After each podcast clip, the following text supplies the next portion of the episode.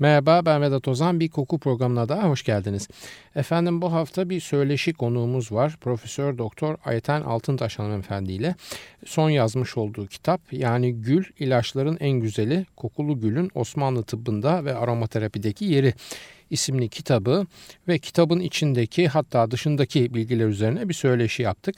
E, Ayten Hocam'la görevli olduğu Cerrahpaşa Tıp Fakültesi Temel Bilimler binasındaki tıp tarihi ve deontoloji ana bilim dalı salonunda söyleştik.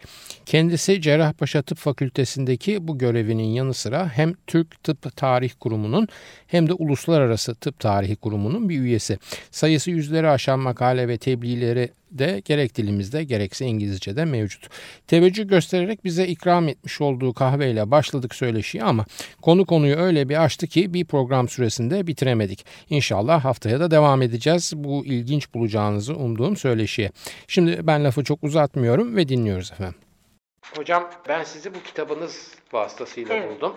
Gül ilaçların en güzeli, kokulu gülün Osmanlı tıbbı ve aromaterapideki yeri. Evet. Türkçe'de koku üzerine kaynak çok az olduğu için ben evet. de dönem dönem böyle Google'da giriyorum Türkçe koku ne kitap var diye. Sizin kitabınız çıktı. Profesör Doktor Ayten Altıntaş evet. diye. Size dayanamadım hemen bir mail attım. Ne Sağ olun güzel. siz telefonla geri döndünüz. Çok nazik davrandınız. Sonuçta Cerrahpaşa, Cerrahpaşa Tıp Fakültesi Tıp, Tıp Tarihi ve Deontoloji Teoloji. ana bilim dalındayız. Böyle bir salonda Seminer sağ olun vakit ayırdınız. Sohbete başladık. Ee, aslında sohbete biz daha önce başladık. Birer kahve içtik evet. beraber. O kahveleri içerken de siz çok hoş bir takım bilgiler evet. verdiniz. Onları acaba dinleyicilerimizle de paylaşabilir miyiz? Kahve neden suyla gelir hocam? Tabii tabii. Şimdi ben kahveyi e, aynen çok seviyorum. E, Vedat Bey'in e, sohbetlerinde de bir kahve arası verince çok sevindim. Dedim ki Vedat Bey de demek ki kahve seviyor.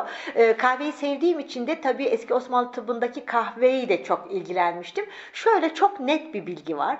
Kahvenin insanlarda moda olmaya başladığı zaman hep hekimlere soruyorlar. Bu nasıl bir e, içecek? İyi midir, kötü müdür? Ne yapmamız lazım falan. Tabii hekimler de çok ciddi olarak bunu inceliyorlar kendilerine göre. O zamanın işte 15. yüzyıl hekimleri ve bu konudaki bilgilerini tıp kitaplarına aktarıyorlar. Burada çok net olarak şöyle bir şey var. Kahve e, hazmettirici, keyif verici, rahatlatıcı. Bu yatsınamaz. Yeni bir madde olduğu için de hekimler çok sevmezler kahveyi ama e, bunları da yatsımıyorlar. Çok e, güzel, ferahlatıcı, rahatlatıcı bir içecek. Fakat kurutucu özelliği var eski tıbba göre. Dolayısıyla bunu mutlaka suyla takviye etmek Hı. lazım. Hekimlerin her söylediğini şunu yiyin, bunu yiyin Hı. aynen yerine getiriyoruz. Hı. Çünkü sağlıklı yaşamak istiyoruz veya uzun yaşamak istiyoruz yeni moda. Dolayısıyla eski hekimlerin anlattığı gibi kahveyi çok seviyoruz. Ondan ayrılamıyoruz. O zaman yanında bir suyla onu takviye ediyoruz ve onun kurutucu etkisini azaltıyoruz. Yani bu bizim bildiğimiz yani işte suyu önce içelim de ağzımız temizlensin o kahvenin kokusunu iyi alalım. Aslında buradan kaynaklanıyor Herhalde gibi, onu bilmeyen herhalde böyle onu daha hoş bir izah bulmuşuz Evet herhalde. yani neden geliyor. diyorlar? Çünkü böyle, böyle bir adet var. Yani bizim o kadar güzel geleneklerimiz uzun seneler devam etmiş ki kaç yüz yıldır kahve yanında suyla ikram edilir. Bunun bir sebebi var. Bunun sebebini de çok güzel anlatıyorlar ama tabii ki bu bilgiler biliyorsunuz unutuluyor zamanla. Her zaman her yerde öyle bir takım bilgiler unutuluyor. O zaman işte dediğiniz gibi o keyfi almak isteyen, o kokusunu, o tadını almak hı hı. isteyen böyle bir şey uydurmuş olabilir. Hiç fena siz, değil. Siz kahvenin kokusuyla yetinmediniz ama evet. e, üstüne bir damla da böyle tarçın, tarçın damlattınız, evet. şey e, serptiniz, evet. tarçın evet. serptiniz. O da çok güzel bir koku verdi tabii kahveye. Bence de kahve çok güzel. Bir de biraz daha onun kokusunu yanına bir şeyler kakule gibi, işte damla sakızı gibi, işte tarçın gibi, bir iki damla gül suyu gibi. Evet. Bunlar bana çok zevk veriyor. Ee, ama içinde pişirirseniz o kokular yok oluyor. Kahve çok absorbe Sonrasında, eder. Evet. Sonradan ona ilave edilirse çok da güzel oluyor. Ben de bunu devam ettiriyorum. Şimdi demin konuşurken evet. e, bahsetmemiştim. Yazın mesela çok sıcak evet. olduğu zaman soğuk bir bardak suyun içine doğru gül suyu evet. ama yani sentetik olan değil, değil. doğal gül suyundan evet. iki damla damlattığınız zaman çok hoş tadı olan bir su içmiş oluyorsunuz. Harika. Çok yani kuvvetli bir tat gelmiyor evet. ama böyle hafif bir aroma bırakıyor ağzınızda evet. ve ferahlatıyor. Yani tamam. pek çok meşrubatın falan yerine Aynen. tatlı olmamak kaydıyla çok hoş bir şekilde geçebilen bir çok şey oluyor. Çok güzel. Bu, bu alışkanlığınızı, bu bilginizi veya bu şeyi ne zaman yaptınız onu bilmiyorum. Ee, veya birilerinden senedir. mi öğrendiniz veya siz Sohbet mi denediniz? sırasında çıktı. Yani çok gene güzel. demin konuşuyorduk evet. kahveye tarçın evet. dökerken hani kahve kahvenin içine çok hafif de olsa biraz amber damlatsak ne olur? Bir şey. O sohbetleri birkaç Anladım. arkadaşımla yaparken böyle bir şey yapıyorum dedi bir tanesi. Ben de dedim hakikaten çok güzel oldu. Ne yani. kadar isabetli. Çünkü gül suyunun bir numaralı özelliği serinleticidir, ferahlatıcıdır. evet, evet. Bu bütün tarih boyunca hekimlerin tasvip ettiği bir şeydir. Şimdi şöyle çok uzun zaman hekimler aynı bilgiyi uzun seneler devam ettiriyorlarsa orada çok büyük bir isabet var. Bir tıp tarihçisi olarak bunu rahatlıkla söyleyebilirim. Dolayısıyla gül suyunun serinletici, ferahlatıcı etkisi müthiştir. Hele ben yazın çok sıcaklarda bir spreyin içine koyup gül suyunu yüzüme püskürttüğüm zaman inanılmaz bir serinlik hissediyorum. Dolayısıyla herkese tavsiye ederim. Ama bu gül suyunda da herhalde Ah, evet. dikkatli olmak Evet, lazım. evet. Çünkü bir sürü markette görüyorum Evet. gül suları. Evet. İşte şişesi 1 lira, 1,5 Evet. liraya satılıyor. Arkasını okuyorum. İşte gül, Gül esansı diyor. Evet. Ama yani doğal gül esansı olduğuna dair herhangi bir Hayır, ibare asla değil. yok. O da herhalde Asla. çok birkaç firma falan yapıyor zannediyorum. Doğalına olmasına Do- evet, dikkat evet. etmek lazım. O gül suyu benim için çok önemli. Çünkü gülün önemini araştırırken e, uzun bir zaman marketlerde e, iyi gül suyu aradım. Bir sene kadar inanılmaz, inanamıyordum. Hepsi güllü su. E, sonradan tabii Isparta'ya gittim, buldum. Isparta çok güzel gül damıtıldığı zaman geriye kalan sular güllü sudur. Natural gül suyu diye satılıyor. Birçok yerde Gül iyi. birliği falan görüyorum ben Evet, şimdi. evet, evet. Gül Birlik çok büyük bir e, gül suyu üreticisi. E, çünkü 8 bin gül işçisinin kooperatifi orası. Evet. Ben çok önem veriyorum kendilerine. E, onların gül suları var. E, aynı şekilde çok iyi gül suyu, gül yağı üretip yanında gül suyu yapanlar var ama gül suyunun önemi o kadar bilinmiyordu ki ben işte bu kitabımla da ilk yazdığım zaman sadece gül suyu yazmak istedim. Bana dediler ki ne olur gül ve gül suyu yapın. Yani gül suyu nedir ki falan böyle. Evet, onlar için yan ürün, tali İnanın atılan filan bir şeydi. Halbuki Mevlana e, Mesnevisinde der ki işte gül mevsimi bittikten sonra o gülü nasıl koklayacağım? Gül suyuyla diye Evet, söylüyor güzel. hemen kendisi. Tabii ki çünkü iki ay kadar bizim kokulu gülümüz açar. Ondan sonra yok. Ama o gül suyunu koklamak istiyorlar çünkü çok önemli. Gönül gözünü açan bir koku. Dolayısıyla Mevlana'da bütün tasavvuf erbabı da gül suyunu kullanıyorlar. Evet. O yüzden gül suyu önemli diye düşünüyorum. Bizim gülümüz derken bu damask gülü, Evet. Ros damascena Evet. dediğimiz gül. Evet. Dünyada da gülün kullanıldığı her alanda da iki tane çok önemli, Önemli. kaynak var. Evet. Bir biz varız, bir Bulgaristan var. Evet. Aslında Bulgaristan'ın o Kazanlak dedikleri Evet, bizim Kazanlık. Kazanlık Evet. veya Tabii, Kazanlık, Kazanlık, dediğimizde doğru, Kazan. zamanında Edirne'ye bağlı Evet, bir yer bizim arka bahçemiz. Bizimki de arka bahçemiz değil mi? Edirne'nin Aynı arka gülü bahçesi. yetiştiriyoruz. Tabii, Aynı tabii, gülü yetiştiriyoruz. tabii. Bize geliyor. Nasıl oluyor? Bize geliyor. Bizden onlara mı gidiyor? Sonra Şimdi- tekrar geri dönüyor Ya ya falan. ya onun e, Bursa falan var arada. var var böyle. var. Onun tarihini kendim incelerken hiçbir bilgiyle girmedim işe. Tamamen belgelerle girdim ve sonunda bir tablo ortaya çıktı. Bu tablo şöyle. Gül bildiğiniz gibi tarihin en eski ya insandan önce var olan bir çiçek. Dolayısıyla bütün insan toplulukları her coğrafyada ve tarihin her döneminde gülle tanışmışlar. Ve gül o zamanlar hep kokulu gül. Şimdiki e, güller gibi değil. E, kokulu gül. Dolayısıyla birçok kokulu gül var. Fakat onu tabi insanlar kendilerine göre yetiştirmişler, melezlemişler. Rosa Damascena Anadolu'nun kokulu gülüdür. Ta Frikler zamanında Kral Midas'ın e, bahçesinden gittiğini yazar Yunanlı yazarlar kokulu güllerin. E, dolayısıyla Anadolu'da bir gül kültürü var. Fakat e, biz bu gül kültürünü işte Rosa Damascena dediğimiz iki tane gülün melezleşmesiyle meydana gelmiş. Şu anda en güzel kokulu gül, içindeki eterik maddesi en yüksek gül.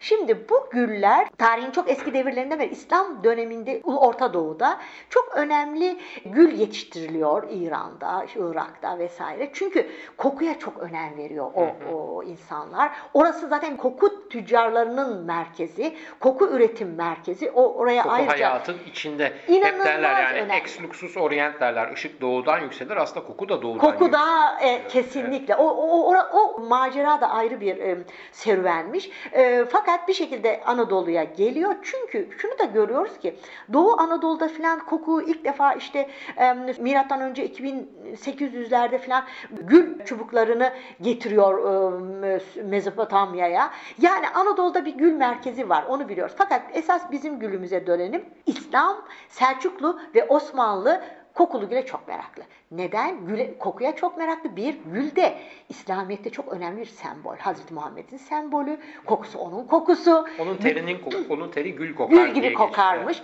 Geçti. Bir kere koku sürünüyordu. Zaten sürünülmesi gerektiğini söylüyor. Temizliğe ve güzel kokuya, hep güzelliğe çok meraklı. Zamanına göre çok modern bir e, insan ve çok önemli bir peygamber. Ve o kokulu gül onun sembolü. Dolayısıyla Mevlevilikte, Bektaşilikte falan hep gül semboldür. Hekimlerin o kokunun önemini den bahsediyorlar. İşte birçok şeye iyi dolayısıyla beyne iyi, işte ferahlatıyor, ruha iyi vesaire. O ayrı ayrı bir konu. Dolayısıyla gül yetiştiriliyor ve gül suyu elde ediliyor. Ve gül suyu üretenler var Selçuklu'da falan ve, ve hemen hemen darüşşifalar, eski hastanelerin hepsinin yanında gülhane yani gül suyu üretilen bir yer var.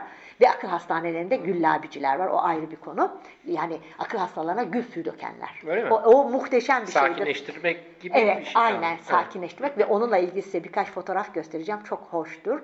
Ve e, Osmanlı kendi gül sularını kendi üretiyor ve çok fazla tüketiyor. Ve Osmanlı Sarayı'nda da, Topkapı Sarayı'nda da gül bahçeleri var ve gülhanesi var. Biz Topkapı Gülhane'nin Sarayı'nda. önünden geçiyoruz ama hiç düşünmüyoruz orasının neden ismi Evet, Gülhane. şimdi aslında orası e, Topkapı Sarayı'nın gülhanesi değil. Daha sonradan isimlenmiş. Esas gülhane Topkapı Sarayı'nın birinci avlusuna girildiği zaman sağ tarafa doğru yürünürse denize nazır büyük gül bahçeleri var.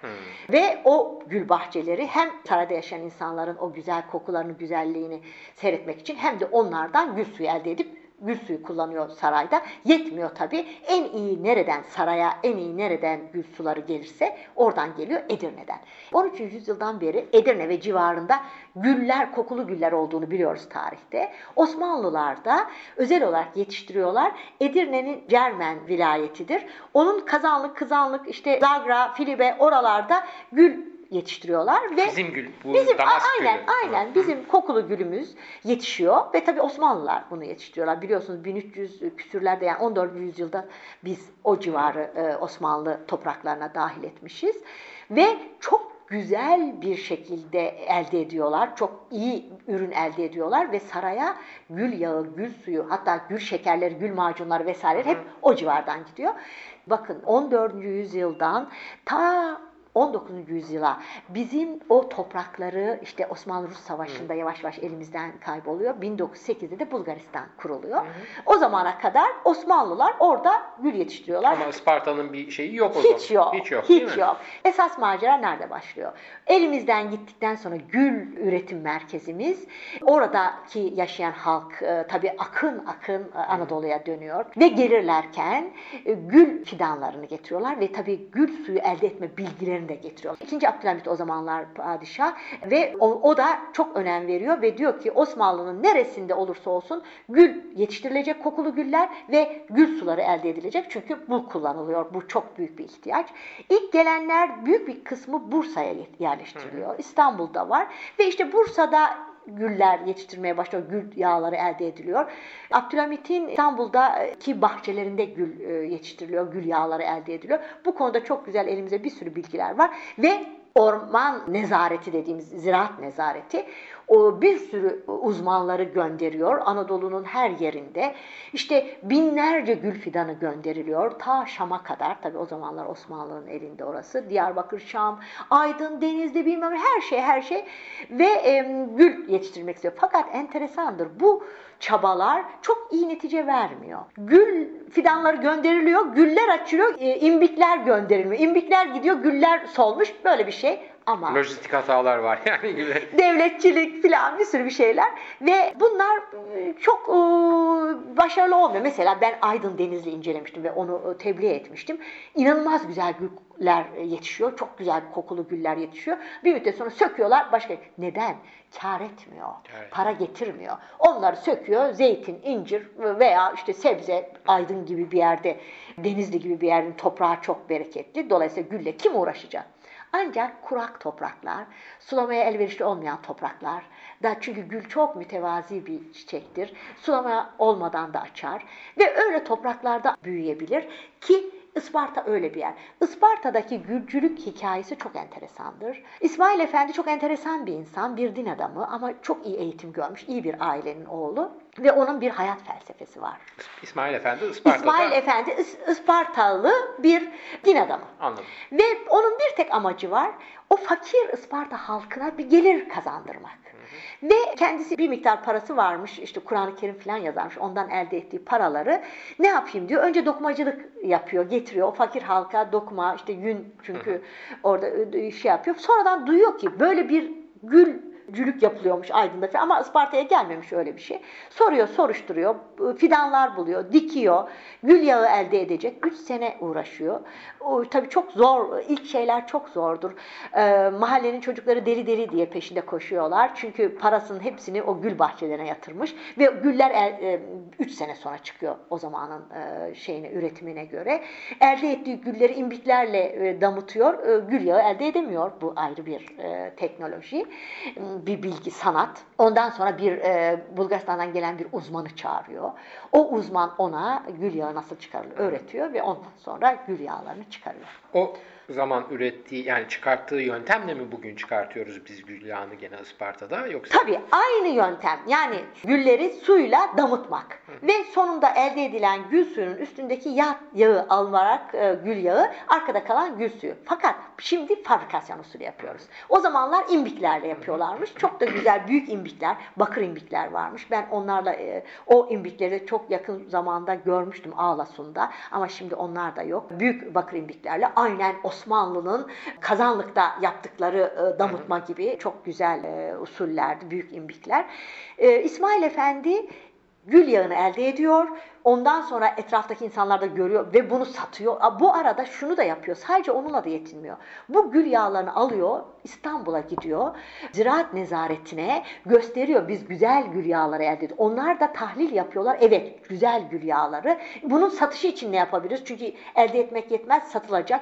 70 küsürlü yaşlarında inanılmaz bir şekilde bu ticaret için, satmak için çaba gösteriyor ve hakikaten muvaffak da oluyor ve de Avrupa'da yapılan sanayi fuarlarına götürüyor evet. kendisi. İki kere gidiyor ve bu yüzden e, de bu gösterdiği çabadan dolayı Osmanlı onu e, nişanla ödüllendiriyor. Sene kaç gibi? 1890 89'da filan elde etmeye başlıyor. 1890'larda artık Isparta'da gül yağcılığı oturuyor. Örnek önlerinde İsmail Efendi ve İsmail Efendi'nin bir tek amacı var dediğim gibi insana hizmet etmek, kendi insanına hizmet etmek. Gerçekten de şimdi artık e, Sparta valiliği İsmail Efendi'nin heykelini dikti valiliğin önüne. Yaptığı hizmet e, hala devam ediyor.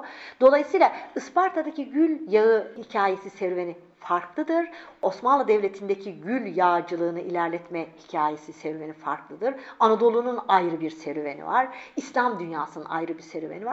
Hepsi çok ilginç. Bu gül yağlarını İsmail Efendi de evet. daha önce Bulgaristan'da da üretiyor. Evet. Daha doğrusu Doğru. Kızanlık bölgesi Doğru. Edirne'ye bağlı Doğru. olan bölgede de üretiliyor. Bunlar daha çok sarayın veya insanların günlük yaşamında evet. kullanılıyor. Gül evet. suyu çünkü çok yaygın kullanılan Doğru. bir şey. Kolonya'dan bir kere sizinle görüştüğümde evet. geçen sefer bahsetmiştik. Evet. Yani bizdeki kolonya kullanımı hiçbir yerde yok. Evet. Yani devamlı elinize kolonya serpilir, evet. ikram edilir. Evet. Aslında bu kolonya da gül suyundan devralınmış Kesinlikle. bir gelenek değil mi? Sürekli Kesinlikle. o ikram ediliyor. Evet kahve ikram edilirken peşinden gül evet. atlanlarla güller evet. dolaştırılıyor. Evet. Evet. Gibi. Ben bu geleneği öğrendiğim zaman heyecanlandım. Çünkü inanamadım. Üçüncü Selim'in bir fermanını okuduğum zaman gül suyuyla ilgili, gül suyu ikramı ile ilgili nasıl bir şey olur? Şimdi şimdi inanıyorum. Gül suyu ikramı o kadar çok ki. Neden? Ferahlatan, rahatlatan, işte evlere kapalı hanımlar hep böyle bir baygınlık falan geçirirlermiş. Hemen gül suyu dökülmüş. Şimdi nasıl kolonya dökülüyorsa böyle bir gül suyu bir de kırışıklıkları gideriyor falan o hanımlar bir kere evde onu ihmal etmiyorlar. Böylesine büyük bir gül suyu kullanma geleneği var. Ama ben bu gül suyu kullanma geleneğini devlet dairelerinde bilmiyordum. Osmanlı devlet dairelerinde. Protokolün bir parçası yani. Kesinlikle. Evet. Ziyarete gelen, iş için gelenler belli bir e, protokol var. Önce bir şerbet ikram ediliyor. Arkasından hemen gül suyu ikram ediliyor. Arkasından kahve ikram ediliyor. Tekrar gül suyu ikram ediliyor. Ama bu ikram devlet dairelerinde 40 kişilik bir hizmetliler grubuyla yapıldığı zaman ben şaşırdım. Yani bir Japonların bir çay ikramı vardır. Hı hı. Ritüeller muhteşemdir. 40 kişi neyi ve nasıl ikram ediyor dedim. Sonra yavaş yavaş ipuçlarıyla buldum. Her bir bir önceden bir peşkir, bir makreme önceden çok güzel işlemeli bir peçete koyuyorlar dizinize. Ondan sonra şerbet ikram ediyorlar. Ondan sonra bir ıslak mendil veriyorlar. Ondan sonra kahve ikram ediyorlar. Kahve ikram ederken ayrı bir peçete ikram ediyor. İnanılmaz bir ritüel. ve 3. Selim'in fermanı şuydu. Diyor ki yeter artık 40 kişi çok pahalıya mal oluyor bize. 15 kişiye düşürelim. 15 kişi bile benim şimdi e, inanamıyorum. 15 kişiyle ama diyor hemen bir şey. Yabancı devlet erkanı geldi ama gene biz 40 kişiyle yapalım. Öylesine bir alışkanlık ki gül suyu ikramı dediğiniz gibi evlerde var ve e, ben hep onu düşünürdüm. Niye hep e, kolonya ikramı? Gül suyu ikramının alkollenmiş şekli diye düşünüyorum. Ve geçenlerde gene bir yeğenim Amerika'ya gitmiş. Islak mendiller artık bütün dünyada her yerde ama kolonyalı mendil yok. Ve kızcağız özellikle ben buradan kolonyalı mendil alıp gidiyorum deyince tekrar bende aynı şey uyandı. Dedim ki bakın mendillerimiz bile hala kolonyalı. Kolonya. Biraz değişiyorlar şimdi. Onlarda da kokular hafif Öyle mi? değişiyor. Öyle mi? mendillerde. Bilmiyorum. İsmi Öyle yine kolonyalı mendil ama içinde pek kolonya yok gibi Herhalde, herhalde. Bu Avrupa'nın Osmanlı Sarayı'ndaki gül suyu kullanımından etkilenmesini Lady Montagu'nun mektuplarında meşhur. Öyle mi? Orada Evet, orada tabii çok önemli şeyler var. e, Evet. gerek ziyafet sofrasında gerek böyle Ah, oturup evet. hasbihal etmek için. Evet, e, evet. Tabii bu bir tek gül suyu değil, e, gül suyunun içinde sunulduğu, sizin de şimdi gösterdiğiniz o gül abdanlar Yani gül suyu şişeleri. Topkapı Sarayı'na gidin üstü elmaslarla, yakutlar, zümrütlerle süslü gül abdanlıklar. Bu gösterdiğiniz Evet. e, fotoğrafı tabii dinleyicilerimiz göremiyorlar. Tabii, tabii. Ama bu fotoğraf aynı zamanda bir kitabın içinde yer Evet, alıyor. evet. Bu sizin demin bahsettiğim Gül İlaçların En Güzeli kitabının E, biraz esas daha kaynak esas kitabı. kaynak kitabı. Evet. Gene sizin yazdığınız Evet. biraz daha teknik bilgi ama Evet. bol bol da fotoğraf içeren Evet. Gül Gül Suyu tarihte, tedavide ve gelenekteki Peki yeri. Gül macunu nedir? Gül macunu, gül şerbeti, gül şurubu bunlar ilaçtır. Mide ve karaciğer için ibn Sina bile söyler. Gül şerbeti çok önemlidir. İçki masasında e, derler ki mutlaka kavanoz içinde gül macunu veya bizim gül reçeli dediğimiz şey bulunsun. Bir de gül suyu bulunsun. Çünkü içki sofrasında mideler berbat oluyor. Hemen bir kaşık gül reçeli alsınlar, rahatlatsınlar. Yüzüne gül suyu serpsin. Rahatlıkla sarhoşluğu geçirir diye eski hekimler yazıyorlar. Sizin Evet. kitabınızda çok hoş bir tanım vardı. Tatil yerlerine gittiğim zaman kahvaltı sofralarında gül reçelini görünce heveslenip üstlerine Evet. atlıyorum ama çoğu glikoz çorbası Evet, çıkıyor. diye Çok hoşuma evet, gitti. evet. Yani- Maalesef doğru dürüst gül reçeli Evet, pek fazla bulamıyoruz evet. gibi Benim- değil mi? Üç benim- tane yaprak, e, Evet. gül esansı. O da sentetik olabilir tabiatıyla ve Kesinlikle boyayla yapılıyor. boya herhalde ve glikoz. Bir de gül dediğimiz zaman biz kokulu Evet, gülü biliyoruz. evet. Ama ben mesela sizin kitabınızdan ilk defa bağlantıyı kurdum. Çünkü Evet. şekil olarak aslında küçüğüne benziyor da mesela biz kuşburnu Evet. da içiyoruz. Kuşburnu Evet. da gül. Evet. Ama kokulu bildiğimiz gül değil. Değil. Dağda yetişen böyle tek yapraklı tabii güller var. O güllerin eski Osmanlılar gül düğmesi diyorlar. Evet. Onun meyvesi aslında. O meyve toplanıp kuşburnu dediğimiz şey ve onlar marmelat yapılıyor. İnanılmaz C vitamini. Tüm meyvelerdeki C vitamininden yüksek miktarda C vitamini var. Onun için eski bizim halkımız kuşburnunu kışın işte sulandırarak komposto gibi içiyorlar Çayını da çok kahvaltılarda. içiyoruz. Çayını yeni moda oldu Evet, bu moda oldu. Son 10-15 içindeki senedir, evet, evet. içindeki e, maddeler C vitamini yüksek olduğu ortaya çıktıktan sonra vücut direncini arttırıcı özelliği. Eski Osmanlılar gül düğmesi derler. Kokulu güller çok katmerlidir ve çok kokuludur. Onlar da işte şerbet, şurup, macun, e, gülbe şeker, gül macunu inanılmaz Gülbe şey. şeker nedir evet, hocam? iki defa şekerlendirilmiş gül demek. Beş şeker, iki kere şekerlendirilmiş. Bayağı bizim güllerimizi şekerle ovuyorlar, güneşe bırakıyorlar. Yapraklarını. Güneş- evet, yaprak. Petalleri yani. Gül, gül, e, kokulu gül çiçeğinin yapraklarını şekerliyorlar bir cam kavanozda veya sırlı bir toprak kavanozda. Güneşe bırakıyorlar. Bir müddet o eriyor şeker. Sonra bir kere daha şekerlendiriyorlar ve kaldırıyorlar. Bu bir ilaçtır. Gülbe şeker. Çok ciddi bir ilaçtır. Veya gül reçeli dediğimiz gibi ama reçelini biraz daha koyu yaparak gül macunu yapıyorlar. O da ilaçtır. İlaçtır derken bunların Mide yapsa ve gülbe karaciğer. şeker başka bir şeye iyi gelir, gül reçeli başka bir şeye iyi gelir gibi Doğrudur. mi? Şöyle bir e, farklılıkları var. Balla yapılan gül macunları var. Şekerle yapılan gül macunları var. Gül suyuyla hazırlanan şerbetler var. Kafamız karışmasın. Bir tek önemli olan balla bugün belki yapamayız ama hakiki pancar şekeriyle eğer gül reçeli yaparsak fevkalade bir kere mide ve karaciğeri temizleyen tedavi eden bir de hafif bir e, kabızlığı geçirici özelliği var. Müleyyin dediğimiz bebeklere ve yaşlılara bir de hamile hanımlara tavsiye ediyorlar. Akşam yatarken bir kaşık gül reçeli onların rahatlamasına sebep oluyor. Dolayısıyla o da ilaç. Bugünkü süremizin sonuna geldik, geldik gibi mi? biz haftaya tekrar tamam. devam edelim. Bitirmeyelim bu sohbeti burada. Memnuniyetle. Ayten Hanım'ın üzerine konuşmuş olduğumuz konuları ve isimleri geçen bazı güllü tarifleri de içeren kitabın ismini tekrar veriyorum ilgilenenleriniz olabilir diye. Hay kitaptan çıkan Gül ilaçların en güzeli kokulu gülün Osmanlı tıbbında ve aromaterapideki yeri kitabın ismi. Haftaya söyleşimizin devamında hep beraber tekrar buluşmak üzere soru, öneri ve eleştirileriniz için e-posta adresimizi veriyorum. kokuprogrami.yahoo.com Ben Vedat Ozan, radyonuz kokusuz kalmasın sevgilerimle.